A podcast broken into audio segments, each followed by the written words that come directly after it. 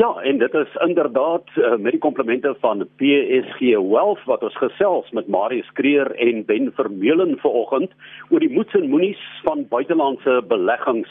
Nou Marius, goeiemôre. Die buitelandse mark is tans buitensporig hoog en duur en het baie goeie opbrengste gelewer die afgelope jaar nie waar nie. Ja, goeiemôre Johan en luisteraars. dit is so, buitelandse mark het baie goed gedoen as jy dit vergelyk met ons markte. Uh Ben kan miskien net vir ons sommer so 'n bietjie uh inlig oor wat wat het die S&P 500 gedoen en die Dow Jones en sover in dollar terme en ook iets van die ander buitelandse markte Ben. Uh goeiemôre Johan en goeiemôre aan die luisteraars.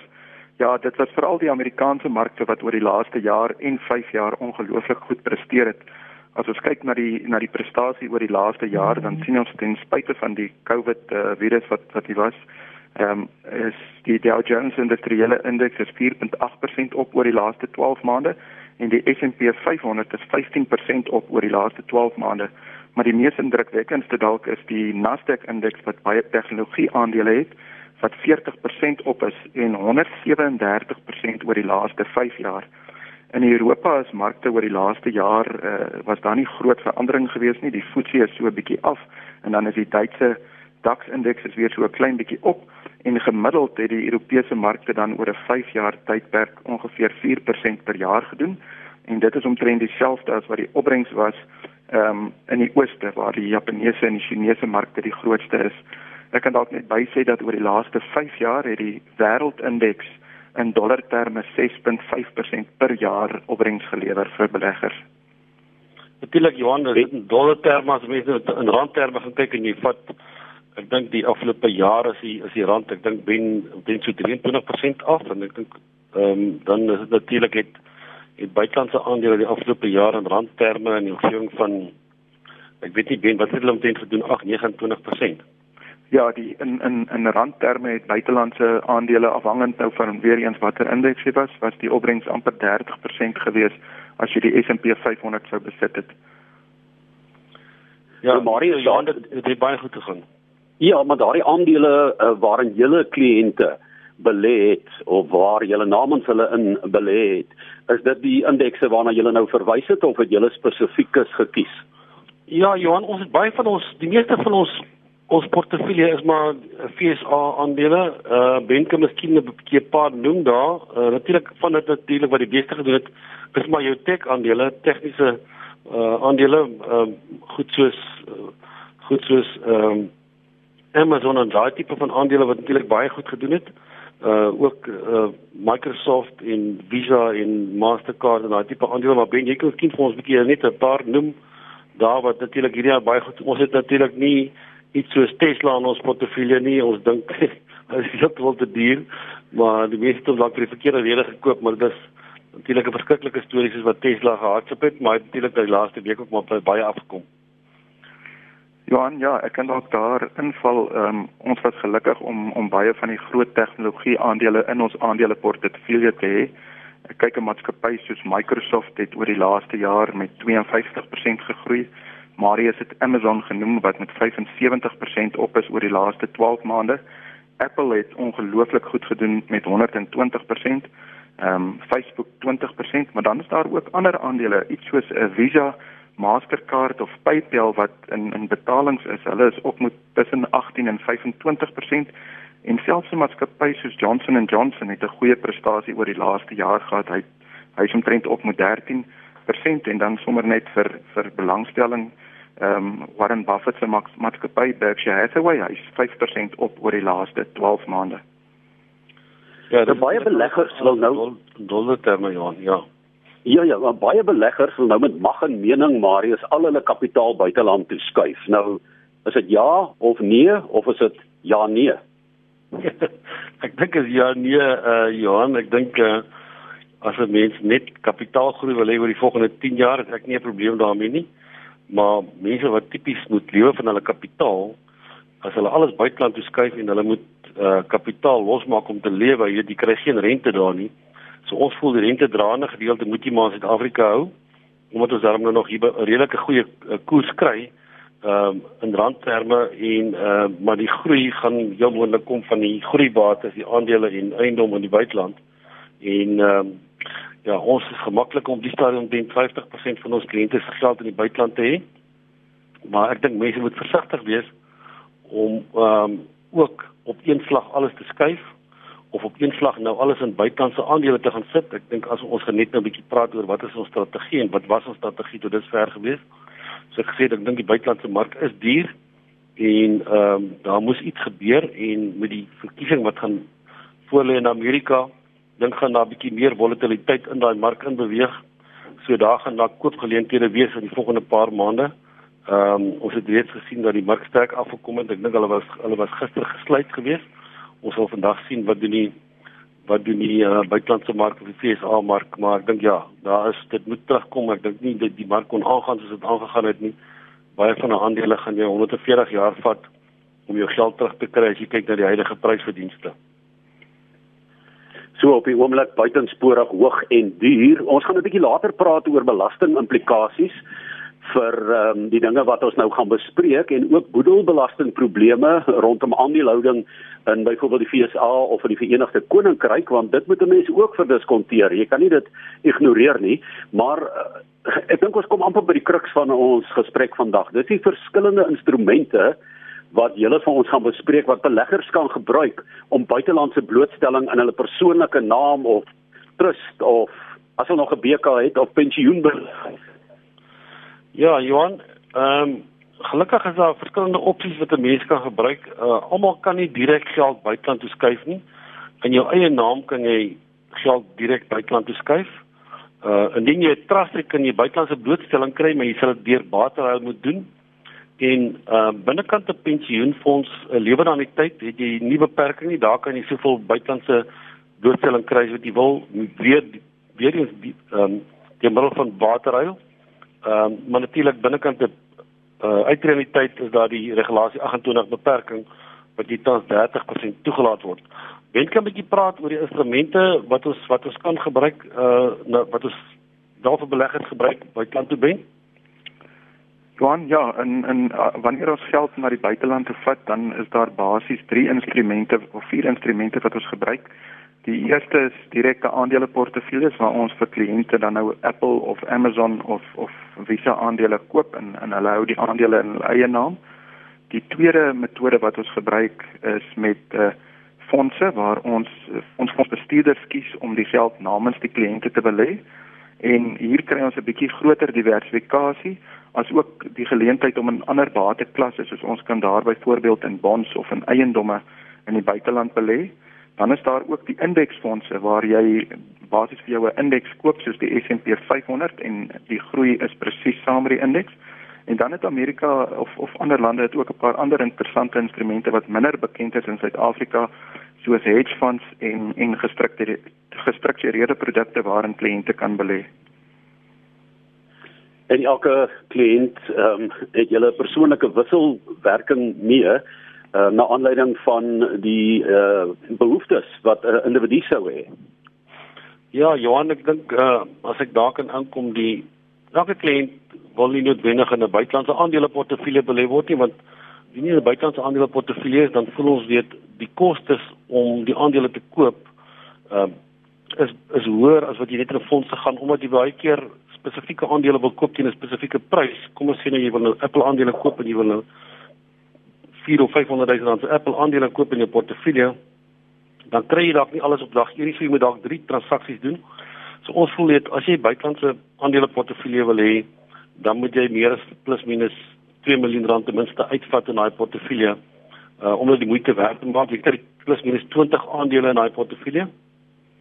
So jou blootstelling per aandeel is persentasie gewys dan hoër as wat jy byvoorbeeld 'n fonds koop.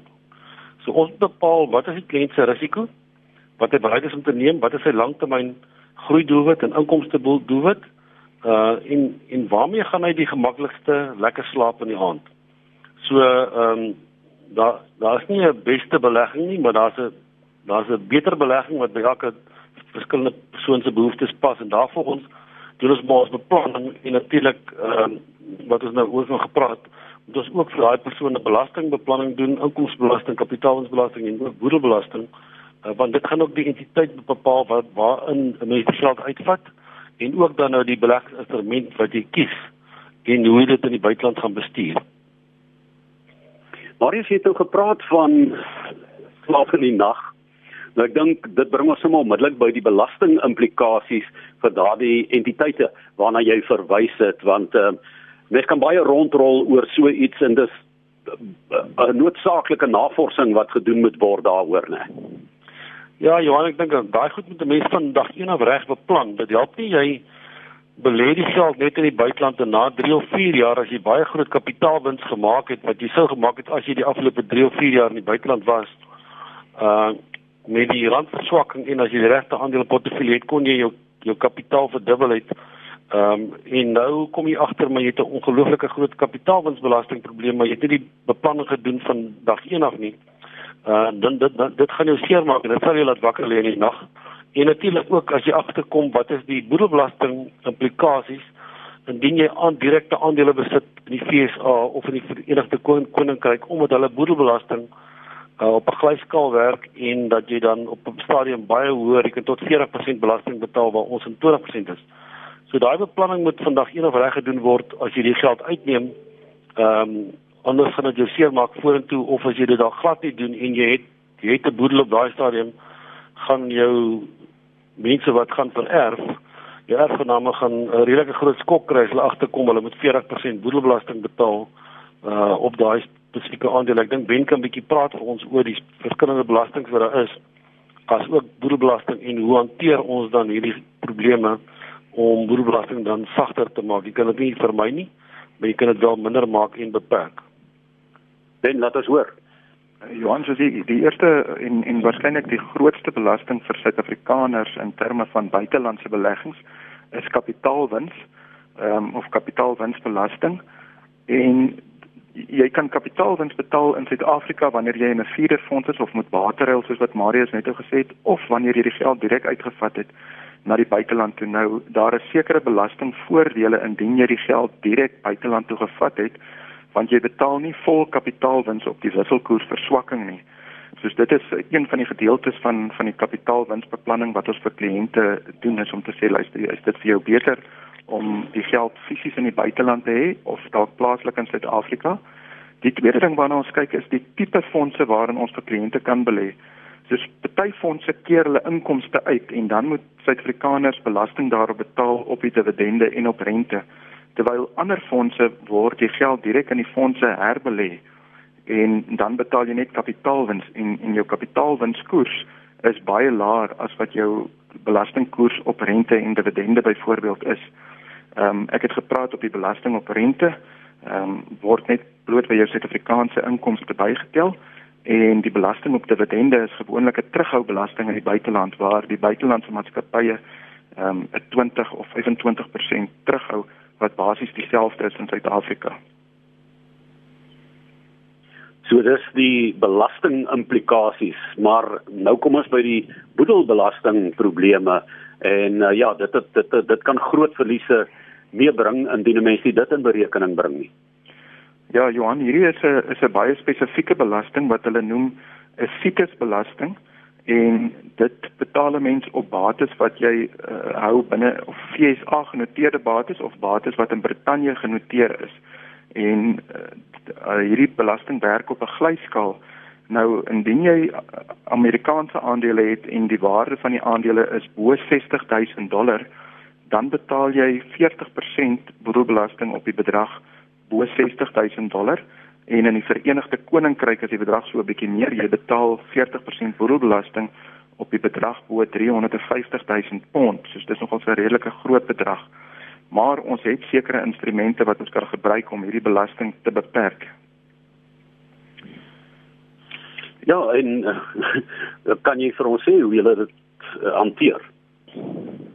Ja, Johan, een een van die in, instrumente wat ons wel gebruik is wat ons noem wrappers of 'n buitelandse uitkeerpolis. Nou hier's verskeie maatskappye in Suid-Afrika wat hierdie tipe produkte het en en dit doen presies wat die naam sê, die wrapper, dis 'n omhulsel waarin jy die aandele sit en uh, dan beperk jy die belasting. Soos eerstens, um, bly hierdie dan nou dit lyk of dit net Suid-Afrikaanse bates in jou boedel is en dit hou jou boedelbelasting op 20% Maar daar's ook ander voordele binne in so 'n rapper. Die eerste voordeel is byvoorbeeld dat jou maksimum kapitaalwinskoers op 12% is en jy betaal net belasting op 30% op inkomste binne in so 'n rapper. So vir mense met hoë belastingkoerse maak dit nogal 'n groot positiewe verskil. Ja, jy want binnekant hierdie rapper kan jy basies jou aandele en jou fondse hê. Uh en wat natuurlik ook 'n groot voordeel is, jy kan uh 'n hele paar lewens koppel. So sou die eerste persoon wat dan kom ons sê die persoon vat dit op sy naam uit, maar hy sit sy vrou as 'n tweede lewe en derde en vierde lewe se kinders. Hy kom te sterwe. Is daai bate wel 'n bate in sy geagte bate in sy boedel vir boedelbelasting, maar die geld hoef nie te geldig gemaak word en terug te terug te teruggebring te word nie. Uh dit gaan outomaties dan oor na die volgende lewe of lewens wat dan ook op die op die polis is. So dit dit gee 'n bietjie kontinuïteit binnekant die boedel wat 'n mens as nie het indien jy nie self op jou eie naam vat en jy kom te sterwe nie, dan moet daar moet dit geldig gemaak word en dan nou teruggebring word gewoonlik uh vir jou boedeldoeleindes. So ek dink dis 'n groot voordeel ehm um, en ons gebruik dit regtig die laaste klompie jare vir omdat kliënte baie keer 'n bedrag geld uitvat, jy kan nou 10 miljoen 'n jaar vat en en met toestemming en dan nog 'n miljoen sonder toestemming. Maar nou die persoon miskien 3, 4 jaar terug het hy dalk 3 miljoen uitgevat wat daai stadium nie so baie gewees het nie.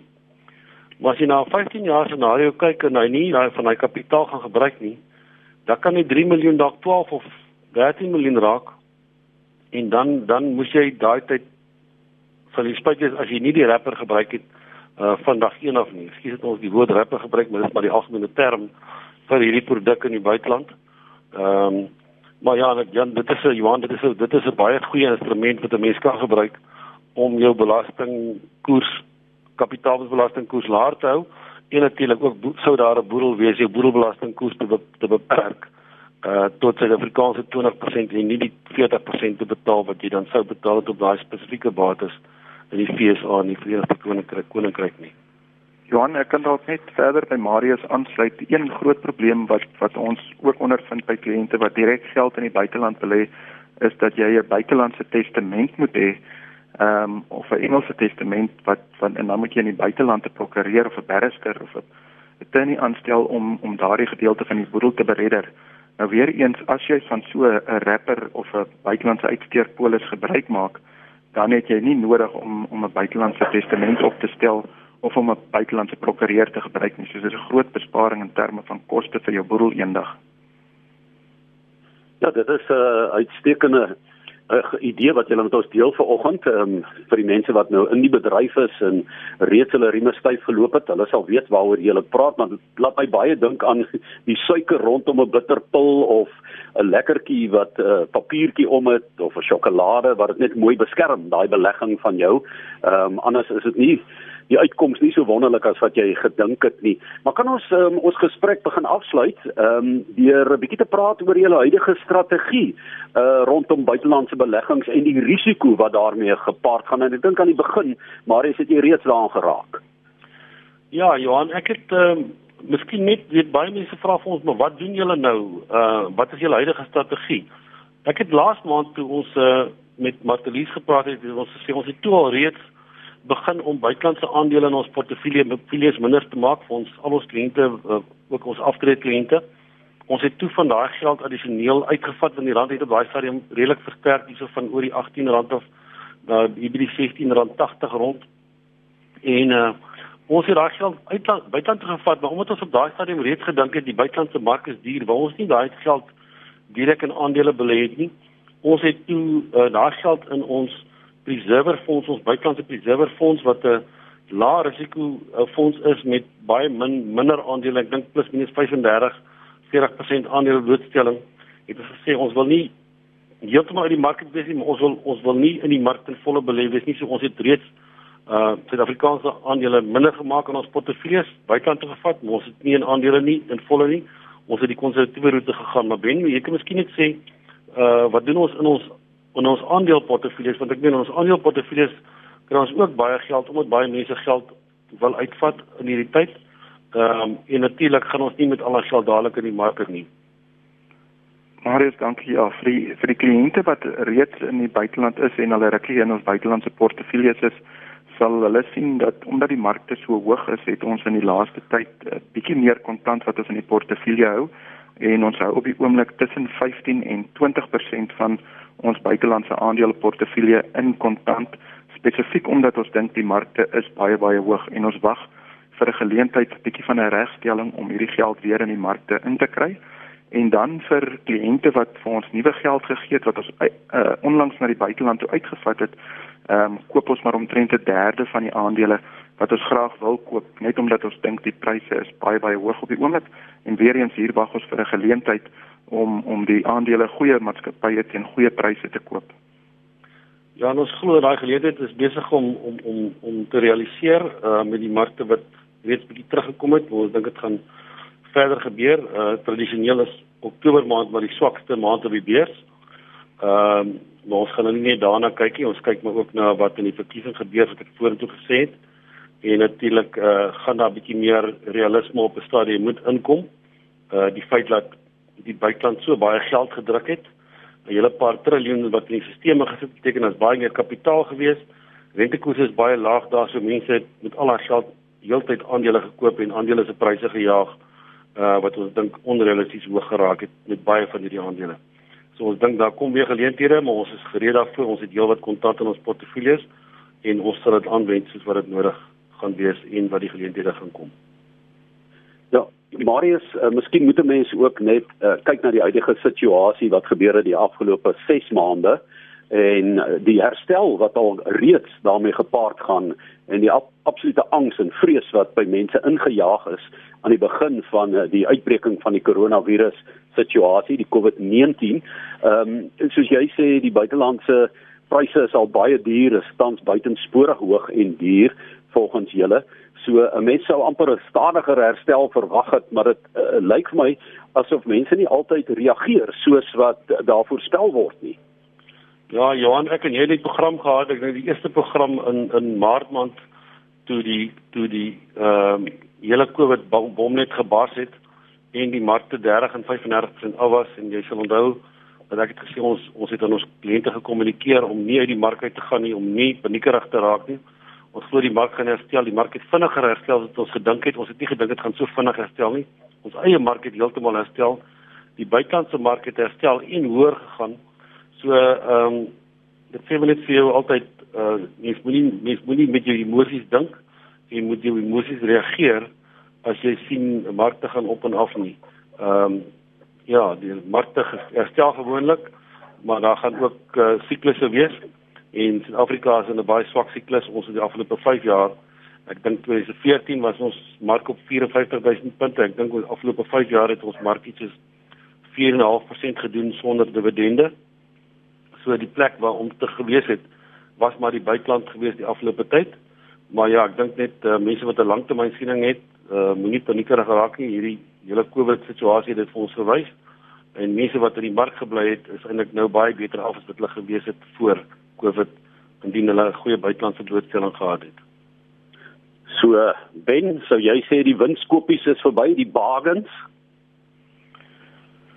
Dis Johan, ehm um, Uh, ons kyk ons kyk baie wyd na aandele en en ek dink uh, daar is sekere aandele wat nog steeds goeie kopies is, maar ons ons kyk ook na dat daar dat dit kwaliteit maatskappye is en en dat daar kwaliteit bestuur is en dat ons weet hulle winste in die toekoms gaan groei. Soos alhoewel die geleenthede minder is, sien ons nog steeds uh, geleenthede in sekere markte. Ons ons dink in die ooste is daar dalk 'n bietjie geleenthede vir ons. Ons is besig om na 'n paar aandele daar te kyk. En dan dink ons Europa ehm um, bied vir ons ook 'n paar interessante geleenthede op die oomblik waar aandele nie so baie gestyg het soos in Amerika nie. Maar ons is die hele tyd besig met nuwe navorsing om om in die beste maatskappye in die wêreld vir ons kliënte teen goeie pryse te kry. So tussen COVID en uh, Brexit deur, né, stuur julle die skip op die oomblik en uh, dit is dan Marius Kreer en Ben Vermeulen. Hulle is uh, van uh, Silver Lakes, George Central en Mossel Bay Dias en uh, mense kan met julle in verbinding tree verder hierdie gesprek voer met julle gesels. So kontak besonderhede asseblief uh, Marius Kreer uh, Johan hulle kan ons bel ons nasionale nommer is 0861348190 ek en Ben is altyd in George ons bedien die Suid-Kaap en ook die Wes-Kaap uh, hulle kan ook uh, e-pos vir my stuur marius.kreer by psg .co.za en ek en Ben sal dit hanteer die navraag wat ons wat ons gaan kry. Baie dankie aan aan julle twee here. Dit is nou Marius de Plooi en Ben Vermeulen. 'n Baie aangename gesprek Marius as 6 maande gelede dat dinge stadig aan die herstel is. Ons kan binnelands al reis. Ons wag dat die internasionale grense oopgemaak word. Maar intussen natuurlik via die elektronika kan jy die grense oorsteek met beleggings en net ten slotte weer voordat ons teruggaan na die ateljee in Johannesburg, net weer daardie kontakbesonderhede. Dit is nou van Marius Kreer en Ben Vermeulen wat vandag met die komplemente van PSG Wealth aan die gesels was van Silver Lakes van uh, George Central en Mossel Bay Dias. Ja, die telefoonnommer 0861348190 of e-pos my by marius.kreer@psg.co.za.